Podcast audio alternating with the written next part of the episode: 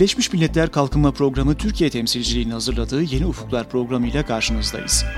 Bu bölümde 2015 sonrası küresel kalkınma gündemine dair küresel istişarelerdeki son durumu ve iklim değişikliğiyle mücadelenin 2015 sonrası kalkınma gündemindeki yerini ele alacağız. Konuğumuz Küresel Denge Derneği Başkanı Doktor Nuran Talu. Tüm dünyada 2015 yılından sonra bin yıl kalkınma hedeflerinin yerine geçecek olan küresel kalkınma gündemi saptanıyor şu anda. Türkiye'de dahil olmak üzere 60'ı aşkın ülkede ulusal istişareler devam ediyor. Peki 2015 sonrası kalkınma gündemi acaba hangi temel paradigmalar üzerine konumlandırılmalı? Küresel Denge Derneği Başkanı Doktor Nuran Talu. Ee, Birleşmiş Milletler'in kalkınma gündemiyle ilgili 2015 sonrası kalkınma gündemiyle ilgili 9 noktada tanımladığı hemen e, bütün konular e, benim e, yıllardır 30-35 yıldır ilgi alanımın içerisinde. Çünkü çevre meseleleri e, tamamıyla çapraz kesen meseleler. Eğer biz gıdayı, kıtlığını konuşuyorsak e, buradan iklim değişikliğine bağlanır. Biz yine çevreyi konuşmaya başlayabiliriz. Eşitsizlik keza sosyal dinamikleri etkileyen doğal kaynakların yok olmasıyla bağlantılı bir konudur. E, sağlık, eğitim bunların hepsinin e, doğa haklarıyla ilişkisi var. E, dünyada da Türkiye'de de e, bunlar birbirinin iz düşümü olarak e, yansıyor.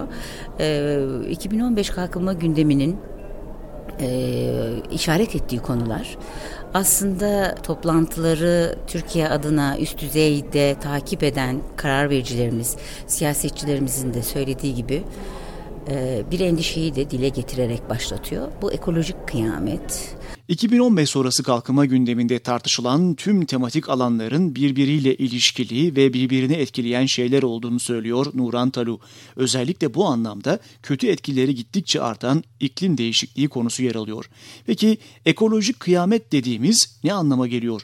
Ekolojik kıyametle 2015 sonrasında nasıl mücadele edilmeli? Ee, ekolojik kıyamet aslında sadece e, bir e, e, doğal kaynakların, tabiatın ya da biyolojik çeşitliliğin yok olmasıyla ilgili bir şey değil. Ekonomi politikalarıyla ilgili bir şey. Eğer siz ekonomi siyasanınızı 2015 yılındaki kalkınma gündeminize bir ülke olarak, bölgesel teşkilatlar olarak ya da uluslararası örgütler olarak oturtamazsanız, hoş bir tabir değil ama sermayenizi yok ediyorsunuz. Yani büyüyemezsiniz. Yani kalkınamazsınız. Ee, üstelik e, illaki harcamanız gereken bir şeyden bahset, bahsetmiyoruz. Doğa hakları yani e, bir nehirin öylesine aynı çağlayan sesiyle akma hakkından da bahsediyoruz. Diğer bir deyişle özellikle iklim değişikliğiyle mücadele 2015 sonrası kalkınma gündeminde en önemli başlıklardan biri. Peki neden? Çünkü artık iklim değişikliği denilen olgu e, e, yıllardır söylemeye geldiğimiz bir çevre sorunu değil. Onun çevre sorunu dediğimiz zaman küçültüyoruz bile konu sosyal ve ekonomik siyasanın içerisinde bir sorun. Türkiye'de bunun çok örnekleri var.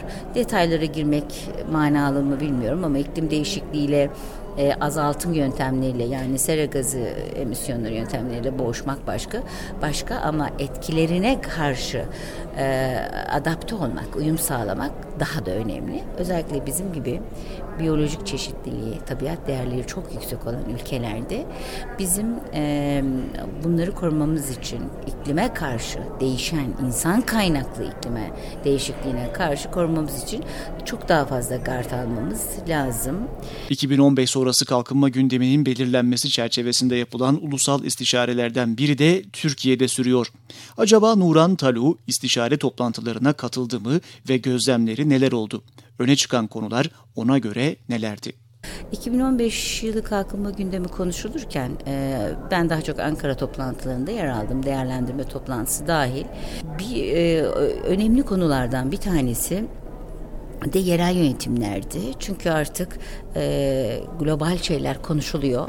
İşte hep e, Rio e, anılarımı hatırlıyorum ama Rio artı 20 değil Rio gerçek anılarımı Rio 1992 çünkü o dönemler devlet bürokratı olarak önemli bir görevle oradaydım süreci tamamen izleyen bir modelim aslında ben orada e, işte global düşün, yerel uygula diye sloganlar bugün hala hakkını koruyor.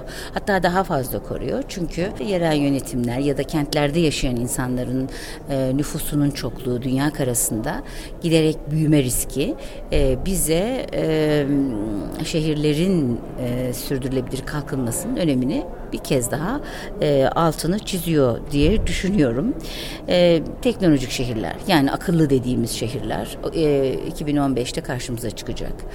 Ama e, akıllı olmak demek e, ekolojik olmak demek değil her zaman. E, bunu da e, aklımızdan çıkarmamamız lazım. 2015 sonrası kalkınma gündeminin saptanması için yapılan ulusal ve küresel istişareler devam ediyor ve bu istişarelerde şimdiye kadar çok yol kat edildi. Peki Nuran Talu bu süreci acaba nasıl değerlendiriyor? 2015 yılında dünya ölçeğinde, bölge ölçeğinde yani küresel bölge ölçeğinde ya da ulusta, uluslarda ya da yerelde onların da yerellerinde konuştuysak bize ışık tutacak bir sürü insan, bir sürü konudan çıkan e,